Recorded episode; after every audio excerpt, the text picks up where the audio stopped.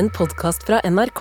Hør alle episodene kun i appen NRK Radio. Jon Boyer Godal er Norges kanskje fremste formidler av tradisjonshåndverk. Han har skrevet et stort antall bøker om alt fra bygging av tradisjonelle båter til lafting av hus, og til tek teknikker for å overleve i norsk natur. I en alder av 85 brenner Godal fortsatt for å formidle håndverkstradisjoner til nye generasjoner, og i 2015 ble han utnevnt til kommandør av St. Olavs orden. Dette er Drivkraft med Vegard Larsen i NRK P2. Jon Boyer Godal, velkommen til Drivkraft. Takk. Hvordan har du det? Jo, jeg har det vel rimelig bra. Ja, på, i, I Oslo? Ja, det det er ikke den beste plassen jeg er på. Nei, Hvorfor ikke det? Nei, Hvor, hvor er den beste plassen du er på? ja, det var et vanskelig spørsmål.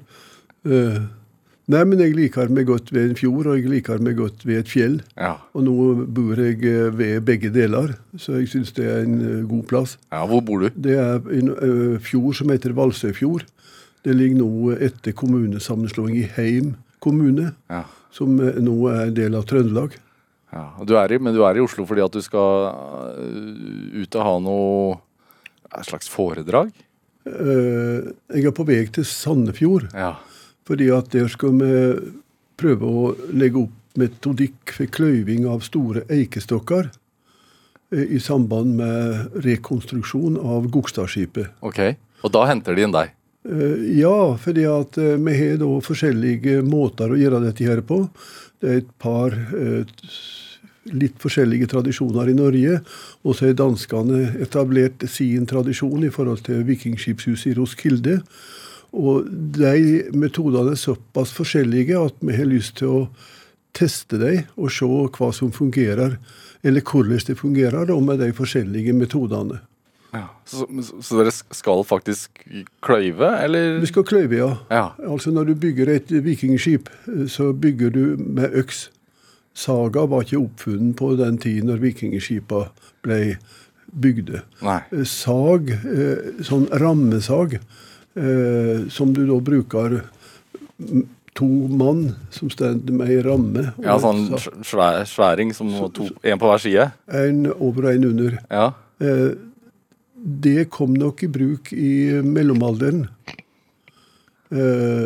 Eh, og det fins bord i Norge som er saga med slik sag, men ikke veldig mange. For så kom oppgangssaga, den vanndrivne oppgangssaga. Og den kom en eller annen gang ca. 1500. Ja. Og da ble det saga mye. Blir, Eh, Men eh, eh, det var da en forholdsvis ja, så et, et tungt apparat. Eh, og derfor så skjedde det noen ting når vi like før 1800 fikk hånddrivne, breie bordsager. ja. Da ble det et nytt sprang i teknologi, kan du si. Men iallfall på Kokstadskipets tid så dreier det seg om å kløyve. Og vi har forskjellige kløyveteknikker som har vært i bruk. Og det å kløyve ut material, Ja. det har dreia seg om å få til bord, skygarskier, skigarskier, eh, bånd i eh, tønnebånd og osv. Så, videre. så det er en eh, omfattende flora av eh, teknikker som er knyttet til det å kløyve. Det er dette vi skal teste ut. Gleder du deg? Ja, Ja. Hvorfor det? fordi at det er grådig spennende å se. For nå har vi vært med og kløvd eh, både gran og furu, og for så vidt bandstaker og band til selje, av selje til kopper osv., men ikke stor eik. Så det har jeg aldri gjort, så det blir veldig spennende. Og jeg har med meg mitt utstyr, som jeg bruker når vi kløyver furu, eh, og vi skal se om det virker i eik. Det vet vi ikke, før vi har prøvd. Du kan nesten ikke vente, du. Det kribler. ja. Men i morgen så ber det løst med det. Dette er Drivkraft med Vegard Larsen i NRK P2. Og i dag er eh, formidler av tradisjonshåndverk eh, Jon Boyer Godal her hos meg i Drivkraft på NRK P2. Det, eh, du har skrevet en rekke bøker. Prøvde for raskt å regne på det. Kom vel opp imot en 30 i hvert fall. Jeg tror du kan dele på to. 15? Eh, 16. Ja. Og, og, men det er sånn Altså, jeg har noen foran meg. Det er Du har vært medforfatter da, på en del. Ja. Så, så aleine så er det 16, og så har du vært medforfatter på en del. Men også det er det å tenke geitbåt og bygge en eh, om det å lafte. Eh, bind 1, 2, 3, 4, ja. eh, for eksempel. Eh, Nordlandsbåten og, og, og Åfjordsbåten eh, har du skrevet sammen med Gunnar Eljarn, f.eks. Båten i bruk. Eh, og, og det er detaljerte eh, bøker du skriver. ja. Det er, en, det er bruksanvisninger, på en måte, samtidig som det er historikk.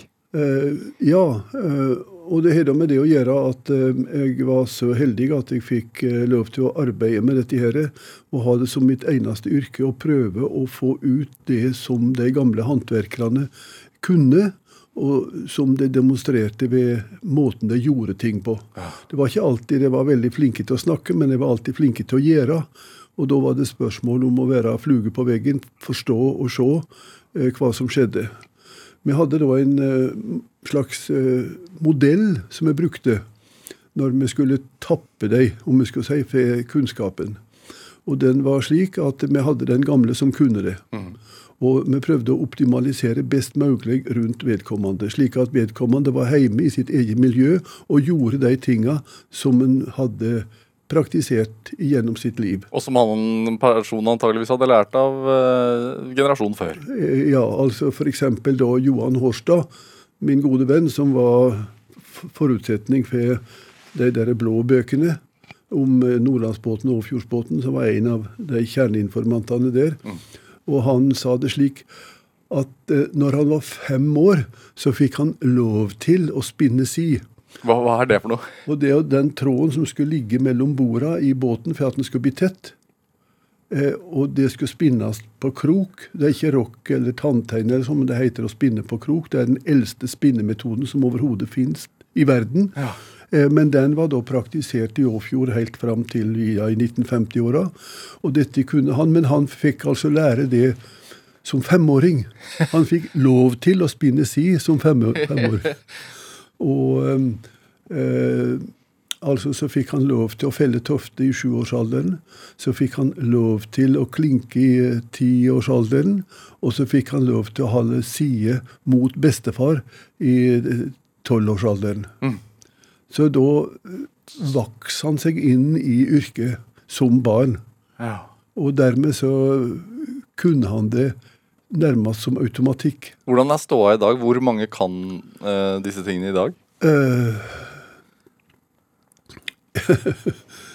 uh, det vet jeg ikke om det er noe godt tall på.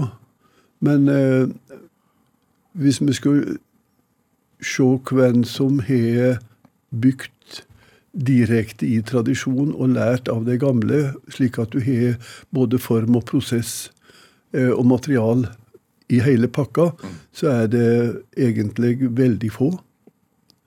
Det er tynne tråder tilbake. Mm. Er det en, en av grunnene til at du har valgt å skrive så detaljert og nøye om det? Eh, For å bevare det? ja, selvsagt. Eh, og det er to grunner, da. Det ene er det at eh, du må prøve å pakke det inn på en eller annen måte, slik at det blir, eh, ikke blir borte. Og du kan ikke føre den taktile delen, den prosessuelle delen, den kroppsbuende krafta som du må ha, liksom, den kan du ikke få. Men du kan skrive om det, gjøre oppmerksom på at den er der. Og du kan uh, bruke de lærebøker som støtter litteratur for folk som da skulle føres inn i det. Ja, For aller helst så bør man uh, stå og kopiere. Ja, du, vi snakker om å herme røsle. Ja, hei, altså herme bevegelser, rett og slett. Ja, Ja. rett og slett. Eh, fordi at eh, i alle det her håndverka så er det en sånn prosessuell del som er forutsetning. Og eh, ja, det var morosamt. Eh, vi drev og skulle lære første gangen vi bygde sånn geitbåt, som det er skrevet om det, da, så var med en som het uh, uh, Ole Skålvik. Uh, og eh, eh,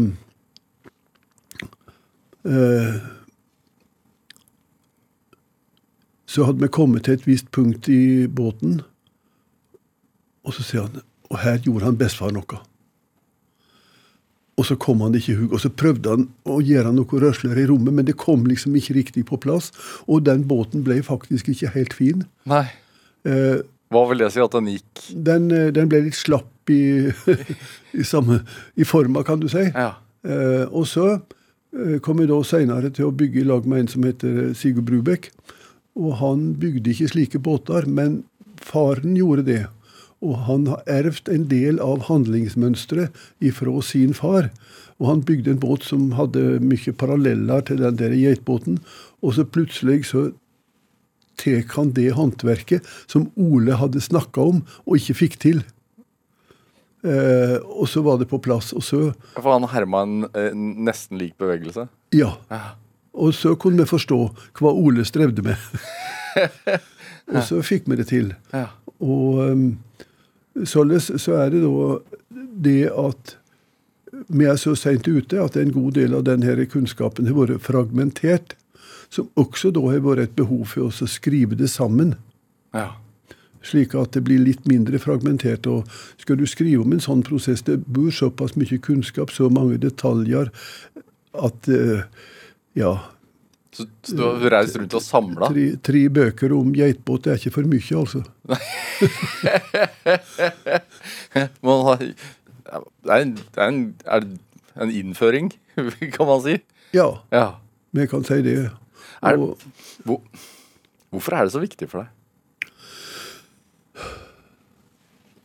Ja, det er et godt spørsmål. Eh, for det første så er det slik at eh, det har vært mitt arbeid, da. Eh, men når det ble mitt arbeid, så har det selvsagt en sammenheng. Eh, og den kan være Alle sammenhenger er mangfoldige. Og en del tilfeldigheter, og en del kanskje ikke tilfeldigheter. Eh, men eh, Altså, jeg var født før krigen. Og det som en opplevde i Norge under krigen, det var det at det var lidelig godt å være sjølberga. Og klare seg med det som fantes på plassen. Og for så var det slik at i det huset som jeg bodde under krigen, så Hvor er vi i landet da? da er vi i Rauland i Telemark. Ja. Eh, og der eh, var det et lite kammers på loftet.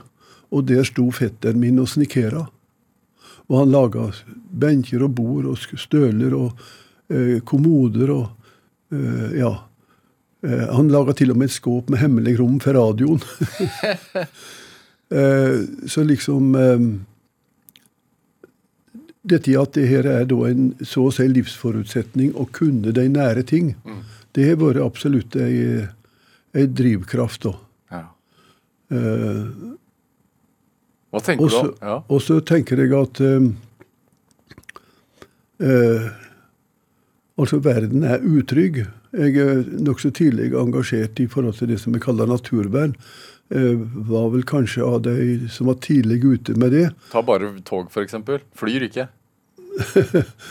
Tek helst tog, ja. Ja. ja. Um, men jeg var tidlig ute med det, da. Uh, og ja, jeg skrev vel hovedoppgave på oss i 64, eh, som da var naturvern. Og der jeg skriver da litt filosofisk, jamvel. Eh, så der stender det noe slikt noe som at naturvern er i djupeste forstand å verne mennesket mot seg sjøl. Hva vil det si, tenker du? Jeg tenker på det at den aktiviteten som vi representerer i form av å svi av altfor mye olje og kull, eh, i det å bygge ned areal osv., det dreper livsforutsetninger. Eh, og det å um, rett og slett klare seg med det som finnes, leve av det som faktisk gror, eh, stelle verden slik at også kommende slekter kan få en fin plass å bo på. Eh, ja, det har vært ei drivkraft. Ja. Er vårt, altså, det, olje og kull er én ting, men, men skog er jo også en ting. Ja, eh, altså skogen er viktig. Jeg veit at du er i gang med en, en, en Altså Du blir jo 86 år på mandag, men jeg vet at du er i gang med en bok eh, nå, skriver på en bok nå for tiden også, om arveskog. Eh, ja, det er nærmest et slags program, da. Eh, som går ut på det at eh, hvis vi ser på hvordan hus blir gamle, og det er spennende, Mm. Og da ser vi det at eh, det beror mellom annet på at våre forgjengere hadde en annen slags skogskjøtsel enn den som er i dag. De hogg ikke snauflater og fikk raskt opp igjen ny skog, men de hogg slik at um, de voksende trærne i ungdommen fikk det vi kaller for skuggeoppdraging. Det er for så vidt et tysk ord, Schattenerziehung. Hva vil det si, da? Eh, Det betyr rett og slett det at de unge trærne skal få lov til å få skygge når de er unge. Eh, altså Det er etter prinsippet som vi har i oppdragelsen av eh, unger også. Altså den som elsker sin sønn, han tukter ham tidlig. det, det, er, det er kanskje en, en, en fornying som har gått bra, eller som, som, Ja, som, men- som har blitt bedre ja. med tida. Men i alle fall så er det slik at uh, måten som trærne vokser opp på, da, Ja. det har veldig mye med kvistkarakter å gjøre. Altså For herdingens skyld, eller er det Det er uh, Hvis det vokser opp i skygge, så må det komme opp. Mm. Og da må de kaste den kvisten som er nede i skyggen, for det er sola som driver det her verket. ikke sant? Og da er det bare i toppen det vokser, og da får du ei stamme som har lite kvist. Eh, og så i tillegg til det, så vi trea får en høy alder. Og da er det jo slik at eh, styrken i eh, våre vanlige bartre øker med alderen. Slik at hvis vi kan få trea til å bli 150 og 200 år, så er det mye bedre enn de som er bare 50 og 100. Hvor mye skog er det i landet nå som er 200 år? 7 Ja, Er det mye eller lite? Det er veldig lite. Eh, også når vi da snakker om arveskog, så er det fordi at vi skal vedlikeholde våre stavkirker også om 200 år. Eh, og altså må vi da dyrke fram skog som stemmer med den skogen som de ble bygd av. Men er ikke tre tre, da? Nei. Det er alt, altså langt ifra. Tre er vanvittig innholdsrikt. Du har både det dere som vi nå er inne på, det her med vekstrytme, Ja. som er et sentralt punkt, og som har vært et kampspørsmål så å si, i skogbruket i hele 1900-tallet. Eh, men så har vi også en del individuelle variasjoner. Vi har kvistkarakter, f.eks. Når eh, Johan Horstad, som vi snakka om tidligere, skulle bygge båt, så ville han ha ei gran med hengekvist. Når, heng, når kvisten henger ned slik som det der, så blir det lite spenninger i veden. Da blir det et godt, mjukt, vasstett bord. Hvis kvisten står sånn, så blir det mye spenninger. Det blir urolig ved, og sprekk, kvisten blir stor og sprekk, og den lek. Så altså eh, Tre er ikke lik tre. Dette er jo kunnskap som man ikke har i dag. Jeg eksempel har ikke det. Nei, men da får du lese bøkene, da. Ja. Men er det, er det en grunn altså for, for, Fordi du sier at vi skal også kunne vedlikeholde stavkirken om 200 år. Er det sånn at vi om 200 år Vi vet jo ikke hvordan det ser ut om 200 år, da, men, men at man står i fare for at det ikke fins treverk da som Ja, det er, Med den type skogbruk som i dag blir drevet, så vil det ikke være slike tre om 200 år. Med mindre vi oppretter det som da kaller arveskog, altså at vi skjøtter en del skoger på en slik måte. Og etter hvert som en da oppdager hvor mye bedre det virket er, og etter hvert som en oppfatter at dette går også veldig godt opp med skogens rolle i klimasammenhengen, så tror jeg at arveskogen vil smitte over i en større del av skogbruket. da. Men det er nå en forhåpning. Eller en spådom. Bru, er, Bruker vi generelt litt for dårlig tremateriale? Altså Det der er en sånn litt merkelig ting. Eh, klorofylle, det er jo fantastisk ting, ikke sant? Eh, den samler solenergi, kobler den solenergien imot CO2 og vann, og så blir det sukker. All den oljen som ligger ned i jorda, all den gassen som er pumpa opp, alt tre- som er pumpa ut, det er en gang bare druesukker i ei grønn plante. Det er til å tenke over. Ja. Eh, og det apparatet som vi har i verden i dag, som har størst evne til å ta opp, det er nettopp skogen. Det dreier seg om de største arealene. Og det er det det hever, den bygger opp treverk, og det vi anledning til å lagre. Og derfor, hvis vi skal ta ut igjen en del av CO2-en fra lufta, så er det nettopp skogen som er vår beste hjelper. Men det plantes jo masse skog til enhver tid. Ja, det plantes en masse skog, og øh, det er ikke det at øh,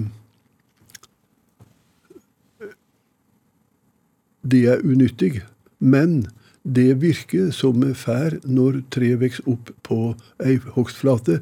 Det får en låg alder. Og unge tre er mindre varige og mindre sterke enn de som er eldre. Og det får en låg egenvekt. Og det var det jeg skulle begynne på i stad. Hva det var som feilen med det moderne skogbruket, og det at trærne blir rett og slett for lette. Hvis vi, altså, Tragedien er den at tømmer blir omsatt i volum, og ikke i vekt. Ha. Hvis vi omsatte tømmer i vekt, så ville trærne bli nær dobbelt så gamle som det som de blir i dagens skogbruk. Ja, For da ville man betalt per kilo i stedet, Per og, kilo i og per kilo var verdt mer. Og husa ville stått lenger, Ja. og båten ville vart lenger. Ja. Hvorfor gjør vi ikke det, da? Det er et godt spørsmål, og jeg kan ikke svare. Og vi har foreslått, men det er noen tekniske vanskeligheter, fordi at treverket er også hygroskopisk. Og det vil si det at vekta er avhengig av vassinnholdet. Og det betyr at eh, å måle egenvekta på tre eh, omfatter en tørkeprosess. Og da er det en kompliserende Ja. del av målinga, av tømmermålinga, rett og slett. Og det tar lengre tid å, Ja. å, å få opp disse trærne. Ja, selvfølgelig. men jeg har da for moro skyld tatt en masse sånne såkalte densitetsprøver, da egenvektsmålinger i eh, vanlige norske skogstre. Og da ser jeg det at ifra, eh, ifra 50 til 150 år så øker egenvekta iallfall med 50 Så det er ganske mye. ja. Og det vil si det samme som at jammen om volumtilveksten går ned i et gammelt tre, så blir det kompensert av vektauke på veden, slik at vekttilveksten er tilnærma konstant over et mye lengre tidsrom enn volumtilveksten. Kan du kjenne på et eh, stykke tre? Ja, det er en helt annen ting. altså når du skal eh, Da kommer vi på et helt, helt nytt tema. Og det er da individuelle egenskaper, og som delvis er genetisk betinga. Eh, og det er karakteren på veden. Hva vil det si? Eh, Det vil si det at eh, hvis du kløyver ved, det har du sikkert gjort med øks, Ja. så ser du det at på enkelte skyer så blir det plane, fine flater, og på andre så blir det opprivende, rufsende flater. ja. Og hvis du skulle da f.eks. lage spon som skulle ha på et tak, så vil du ha sånne plane, glatte flater. Eh, og hvis du da eh, skulle ha noe som skulle være utsatt for ja, isgang i ei elv, så vil du ha sånne som er rufsende og som tåler masse påkjenning uten å gå ifra hverandre. Og Dette her er da egenskaper som er forskjellige. Og da er det fornøyelig at eh, eh, det er samme cella i yta på treet som lager en del som blir ved, og en annen del som blir bork. Og det vil si det samme som at hvis du tar på borken, så vil du kjenne litt av egenskapene som er inni veden. For det er samme genene. Og det vil si det at når jeg skulle lære å ta ut spoen borti Odalen til Hans Solvang, det første han gjorde, det var at han gikk bort og tok på treet. På, på utsida? På utsida på borken. Ja. Da kjente han på borken hva slags karakter det var inni veden. Og det vil jeg prøve, og det, jeg er sikkert ikke så god som Hans Solvang, men jeg eh, klarer å ta en del på det. Hva kjenner du etter da? Hardheten. Altså, borken kan være hard, eh, nesten kvass å ta i, og da er det ikke god ved til sponstikking. Men hvis den er liksom mjuk og føyelig, og du kan plukke den av, liksom sånn, så er den, da er den god. Dette er Drivkraft med Vegard Larsen i NRK P2. Og i dag er forfatter og formidler av tradisjonshåndverk Jon Bård Godal her hos meg i Drivkraft på NRK P2. Dette med tre som materiale. Hva, hva, hvor stor del av barndommen din var det? Ja, det var egentlig en ganske stor del, da.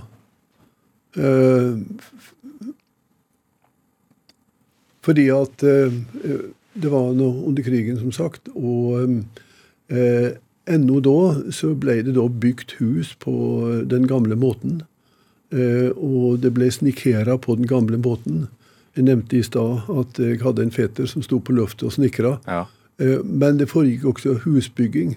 Og det syns vi var fantastiske greier å se på, for da kom det noe som heter påhengsmotor, og det var noe dundregreier, så det skrall i fjella når det kom slepende med tømmer som var hogd på bortsida av Totak, og så slepa bort til Kyrkjevollen.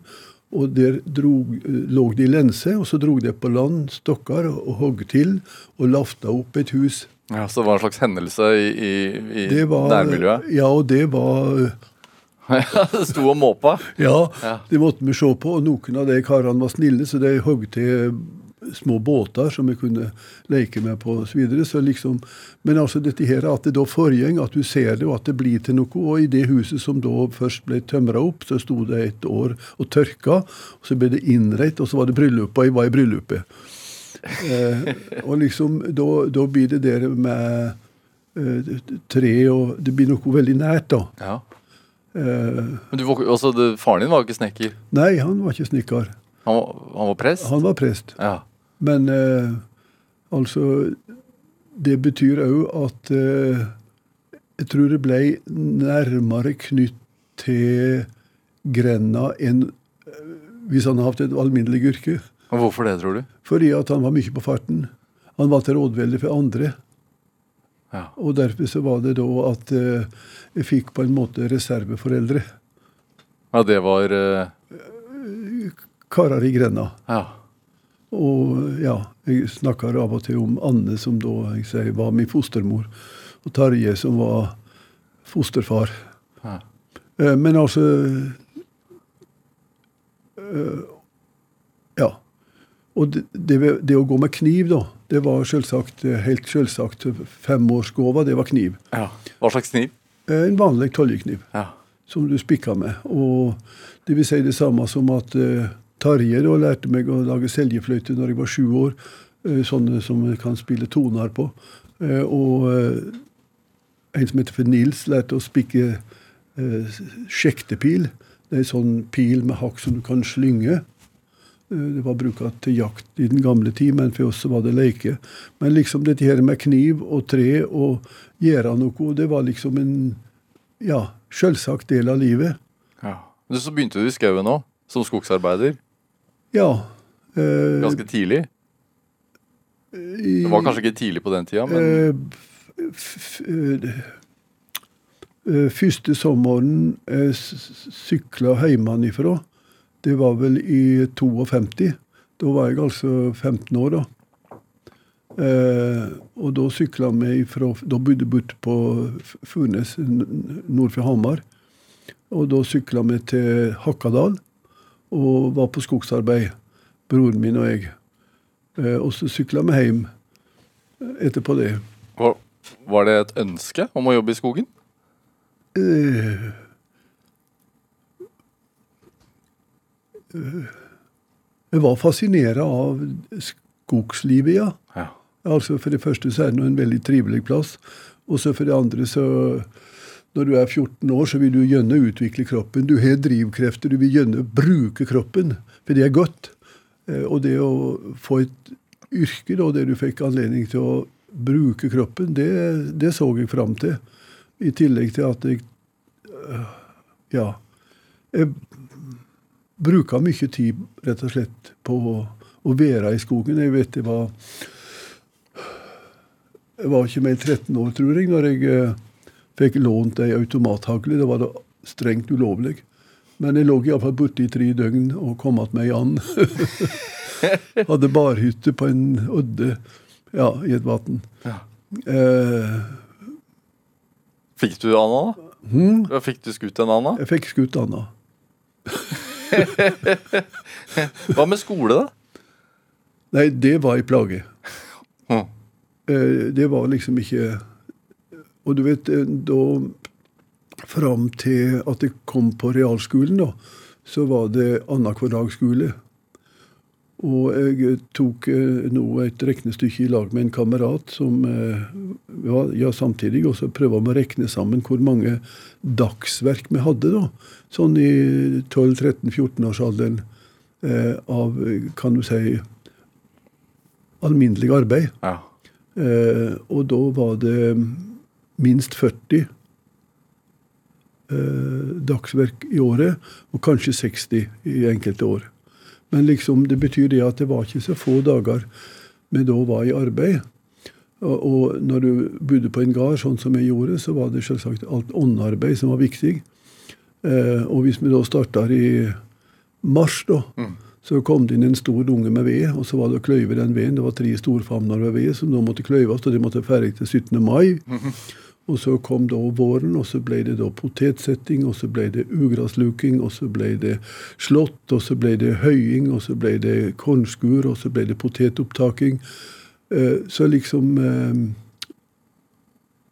Så lenge som vi gikk annenhver dag på skolen, så var annenhver dag tilgjengelig for deltaking i gardslivet, da. Ja. Hva satte du mest pris på, da? Det å sitte bak pulten, eller det å ho- holde, med på, hold, hold på på garn.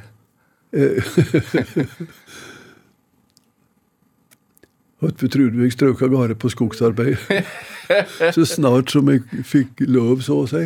Hva, hvordan, hva slags miljø var det i, i, i skauen der så når du starta der som Nei, På den 14-15-åring? eh, tid så vet du, da lå folk i koie. Ja. Og øh, øh, Så da Første så var det oppe med Helgen, det var her i Nordmarka. Og det var fordi at det var en slektning av meg som arbeidet i Løvenskiold-skogene, slik at det, det var en naturlig plass å få arbeid. da. Eh, og da var det skogrydding, altså, også, og delvis planting, da, men først og fremst rydding. Det var det som var mest. Og så eh, var de her koiene som jeg bodde i, de var som regel fulle av folk. eh, så det kunne være Ja. Her i Oslo Nordmark så var det mye odalinger. da. Som lå, og da lå de borte og var borte gjennom ja, tre til seks uker i slengen. Så kunne jeg være hjemme om en tur. Eh, og da levde du i den der koia. Ha, Som 15-åring. Ja. Hva Var det hardt liv? Jeg opplevde det ikke slik. Uh, eh, men jeg tipper at de som da begynte å var i den andre sida av yrkesaktiv alder, kunne oppleve det slik. Men uh, en av de som da var eldre, da Det var en odaling som jeg hadde koielag med i eh, nokså lang tid, egentlig. Eh, han heter for Jørgen Skolebekken. Eh, og han hadde iallfall eh, en evne til å ordne skoledagen sin. Eh, arbeidsdagen sin. Slik at eh, han fortok seg ikke. Eh, så han eh, hvilte mye når han var på koia.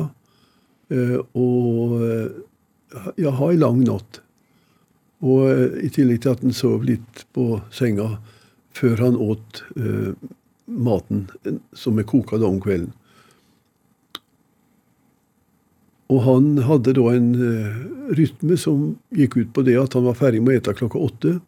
Og da fant han fra tobakken og pipa, og så Je huser hjemme i Jodalen, jeg. Og så kunne han sitte der og fortelle historier fra Odalen i to timer. Og så var det Dagsnytt, og så var det kveld. Ja. Eh, Men veldig fast rytme. Og det med rytmen i arbeid, det hadde han helt ut i det enkelte arbeidstaket. Så jeg hadde vært på skogsarbeiderskolen og lært at det var lurt å bruke ei lettøks, for det, da var det ikke så mye energi til å løfte opp den øksa. Og, men det betyr da at du også må gneldre på hardere. For øksa har mindre kan du si, fallenergi. Så at du må bruke mer kraft på øksa for å få gjennom kvisten. Og så holdt jeg et langt foredrag for han og demonstrere de her fine øksene som jeg har fått i på skogsarbeiderskolen. Og så ser han på meg, og så sier han Jeg har ikke krefter, jeg, til å bruke så lett ei øks.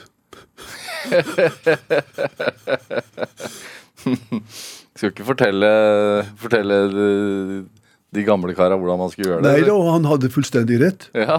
Det var han som har rett. ja. Bytta du, da? Eh, nå har vi gjort det, ja. Ja. Men det med fortellertradisjon, eh, Bård Godal. Altså, du er jo fra en, en familie med fortellere. Ja. Eh, morfaren din var forfatter Jon, eh, Johan Boyer, for eksempel. Eh, som som eh, skrev 'Den siste viking'. Ja. Um, og, og det er mer fortellertradisjon. Og faren din var jo prest, så han må jo også ha vært en forteller. Var mor. Det var mor di som var forteller. Ja. Ja. Hun, um, hun fortalte og las høyt. Uh, og formidla også en fortellertradisjon som jeg har møtt flere plasser. Eh, og den skriver seg da Ja, det er da flere i Rissa som var ypperlige fortellere. Jeg har bodd i Rissa i en del år og ble kjent med noen av de gamle fortellerne der. Og um, likedan så hadde vi da fortellere i Rauland og Vinje. Uh, og um, altså denne her fortellertradisjonen som levde i beste velgående inntil fjernsynet tok over, ja. uh, den Hvordan merka du det? Det ble bare stilt. Folk gikk ikke til en annen for å høre på lenger. Det var ingen som gikk rundt og fortalte fordi at det var morosomt. Så, så det bare dampa bort. Eh, og det koielivet der du da ikke hadde noe annet å trøye tida med etter at det var mørkt om kvelden, enn å fortelle. Jeg huser hjemme i Odalen, jeg. Mm. Eh, så det var på mange slags vis at en merka det. Hva? Men den der fortellertradisjonen da, som eh, jeg opplevde, det syns jeg er viktig. Eh, fordi at den var egentlig veldig eh, dramatiserende. Eh, altså, når Halstein Midbø fortalte om når han drev med reinsdyrgjeting og eh, skulle fange inn noen av de her dyra, så blei han reinsdyrbukken. Han spila reinsbukk når det var reinsbukken han snakka om, og så spila han je, eh, juringen, altså gjeteren, når det var det. Så det var en absolutt levende framstilling. Det var en teaterforestilling. teaterforestilling, ja. Og eh, altså Slik var det da flere. Og mor eh, hadde den tradisjonen i seg som var formidla fra bestefars fostermor, mor Randi, i Rissa, som da eh, var stor forteller. Og jeg eh, har hørt opp igjen noen av både måten å fortelle på, og noe av det hun fortalte, av en som heter for Jon Aaslund i Rista, som sto i samme fortellertradisjon, som da gjeng ut på midt imellom fortelling og teater. Hva har gått tapt, tenker du? Veldig mye kommunikasjon generasjonene imellom, og òg da, kan du si, fellesgods i form av grunnleggende livsholdninger. Eh, altså, en av de grunnleggende tinga som du får formidla f.eks. For i våre vanlige folkeeventyr, er det at skillet mellom menneske og omverden knapt eksisterer. Eh, du snakker med en laks. Eh, Du har en hest som eh, utfører så å si store stykker eh, i samråd med den som har hesten. Eh, og altså Det som ofte i dag blir framstilt som noe bratt, altså skillet mellom menneske og natur, det eksisterer ikke i denne her fortellertradisjonen. Du klapper på et tre og kjenner hva slags uh, Ja, og treverk det er. Og når du forteller om reinen, så blir du rein når du Ja. Ja. Eller du kan Plukke et tyttebær, og tyttebær kan prate. Ja. Du har med, jeg- spør jo alle gjestene i Drivkraft om de kan ta med en, en låt hit. Og du ville jo egentlig ikke det. Du, du ville ha med et dikt.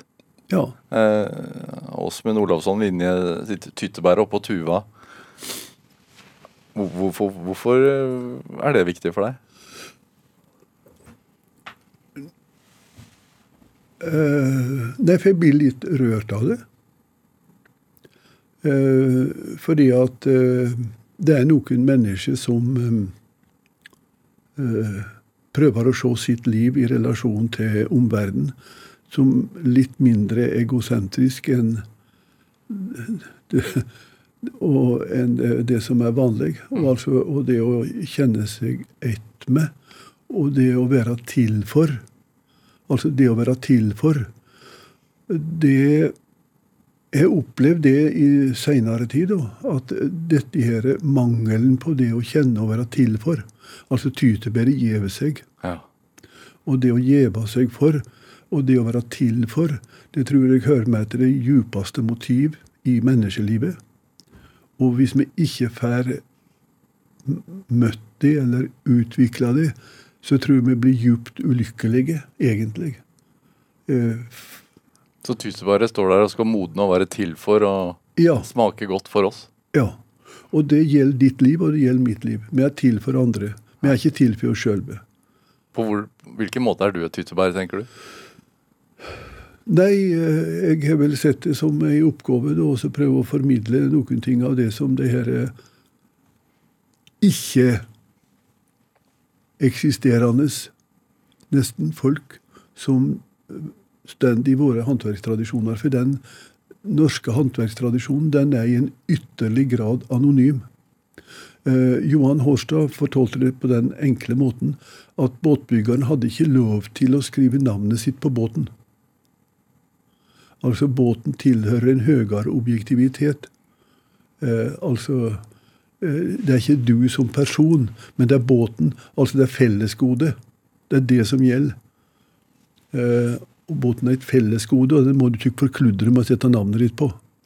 Det er det stikk motsatte av eh, den, eh, det, designerte kunstverk. Han sa bestefaren hans han var den beste båtbyggeren i området, det visste alle. Eh, han kunne driste seg til å skrive navnet sitt under tofta, for den var løs.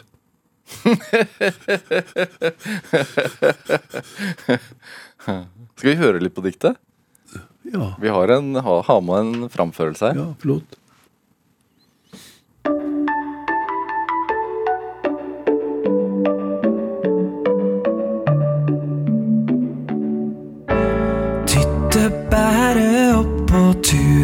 Voks ut av ei liti von.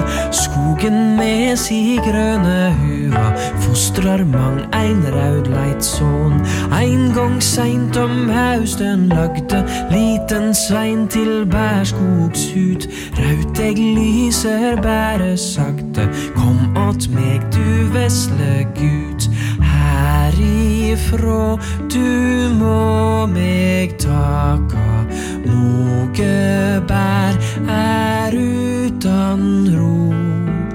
Mal meg sunt at du kan smaka svaledrykken av mitt blod. Mognar du, så vil du beda just den samme bønn som eg. Det mest må gleda bort for folk og gjeva seg. Du hørte Jens Andreas Kleivan sin fremførelse av 'Tyttebær 'Tyttebær oppå tuva' av Åsmund Olavsson Vinje, en sang valgt av dagens gjest her i Drivkraft, nemlig Jon Boyer Godal. Du ble ikke rørt nå? Ja. Ja. Husker du første gang du hørte det?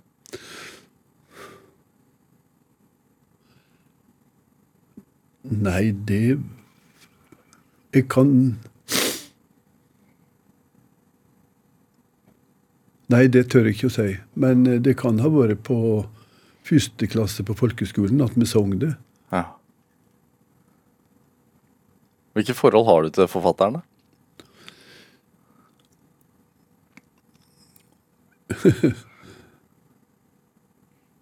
Nei, altså Han har skrevet litt om eh, livet, da. Og da var det Tytebæret og 'Lenda fra land', som er et dikt om en hest. Og mm, det jeg voksen opp med, da. Hest. Eh, altså diktet om hesten. Ja. 'Lenda fra land'. Ja. Det var Åsmund Vinje. Og så har du um, eh, 'Nå ser jeg atter slike fjell og daler'. Og, det der er noe av det kjæreste jeg har. Ja. Av sånn ja, diktlitteratur. Hva, hva, vi, hvilke minner bringer det frem?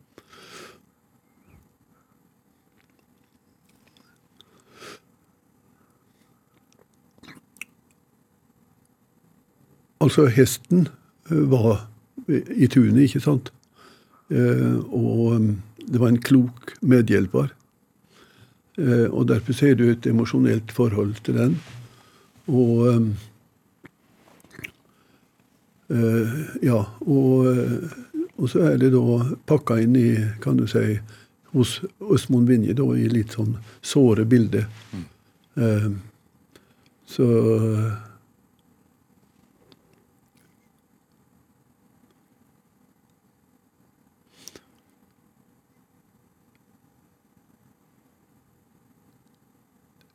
Det blir eh, nesten psykoterapi, det der. Eh, er, er, Blåmann, blåmann, bukken min. ja. Den sang vi, vet du, om vi kunne ikke synge den uten å grine. Eh, så liksom Ø- Østmold Vinje med det her litt såre bilder Jeg tror han har en heimlengt. Har du det? Ja. Hva lengter du til, da?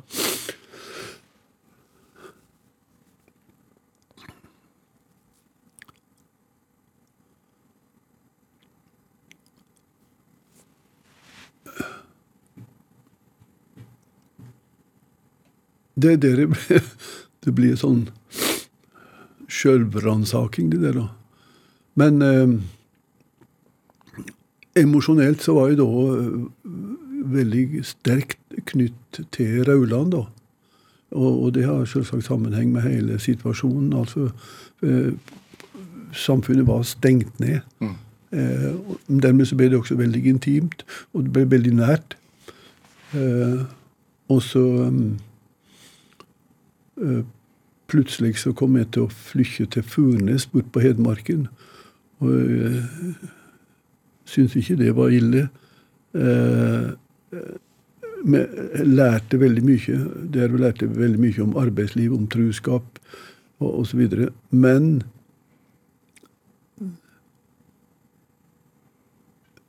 jeg lengta tilbake til Rauland.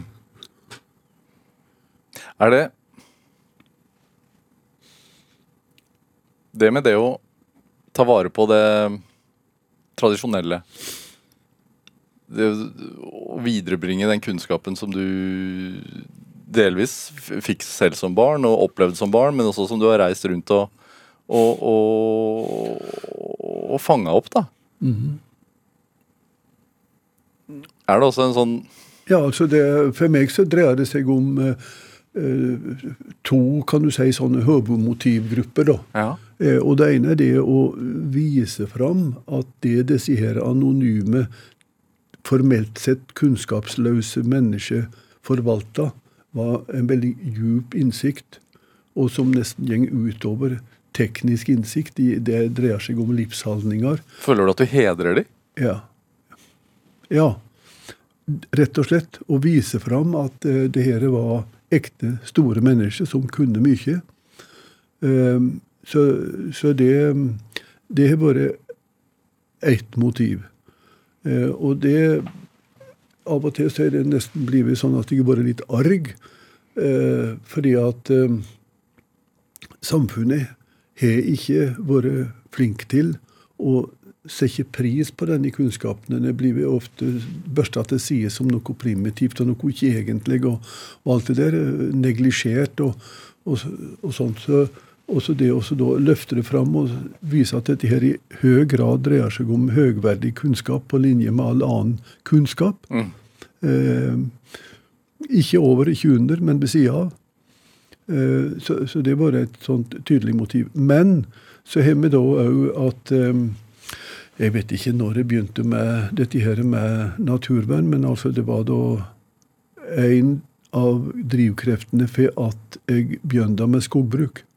At jeg mente at denne naturen som vi levde sammen med, eh, den burde vi stelle godt med.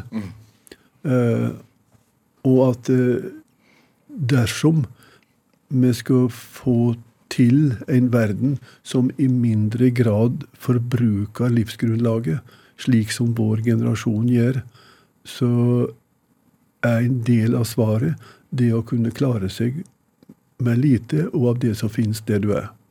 Og da er nettopp båten, håndverket, husa du lager av det som er der du bor, eh, svaret.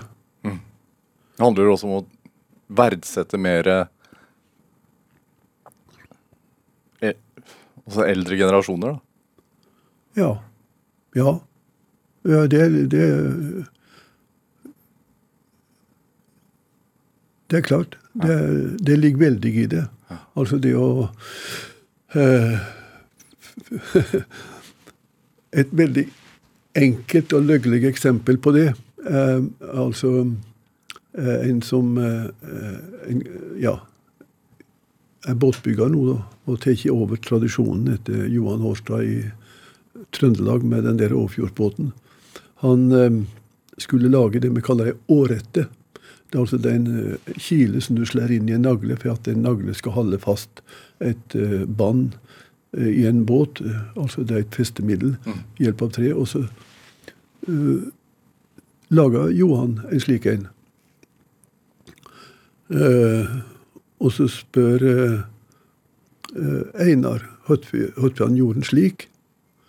Uh, jo, han far gjorde det slik. Og det var svaret. Og så reiste eh, Einar til Roskilde og var med på noe analysearbeid i forhold til en av vikingskipa som var gravne fram der, eller dukka opp i havsbunnen. Eh, og inni der så var det en nagle, og i den naglen så var det ei årrette, og den var slik som Johan Hårsa hadde sagt at far gjorde. Da har de altså holdt på i 1000 år og gjort det på samme måten fordi at far gjorde det. Ja. Altså, det dreier seg om respekt for tidligere generasjoners erfaringer, som er gyldige erfaringer. Hvordan, hvor- hva, hva, hvordan tror du det Som, som ung, ung i dag, da, hvis man lærer seg det av deg, f.eks. På den gode, gamle måten. Hvordan beriker det livet til den personen som lærer det, tenker du?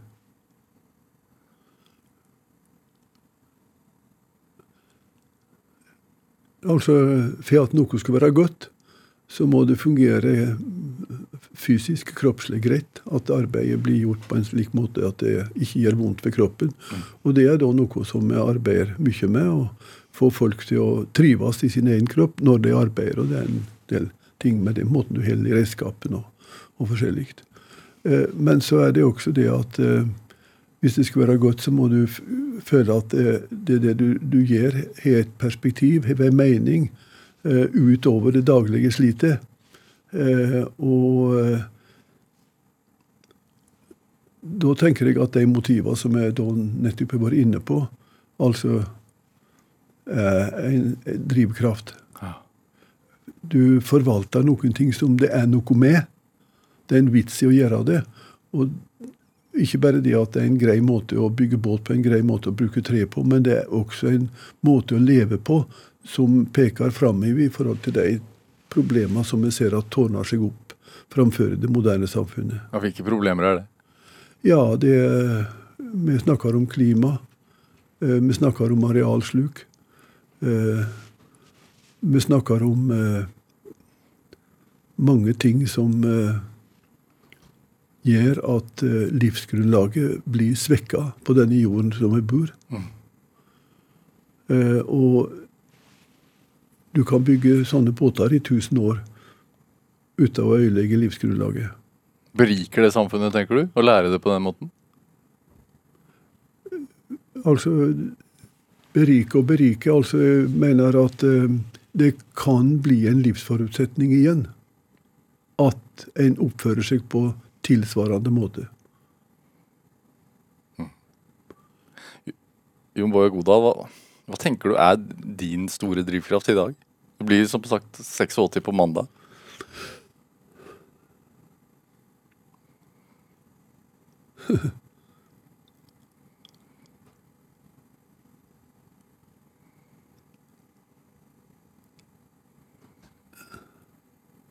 Nei, eh, du må nå ikke være for pretensiøs.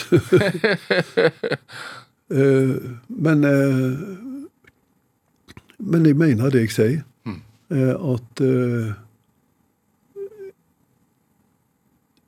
det er viktig å syne respekt for de som var foran oss. Eh, Det er morosomt å oppdage at det de sto for, eh, var innsiktsfullt. Eh, og det ligger i det prinsipp som er ytterst gyldig i forhold til å lage en verden som i mindre grad ødelegger livsforutsetningene slik som vi gjør i dag. Jon Bojer Godal, tusen tusen takk for at du kom hit til Drivkraft.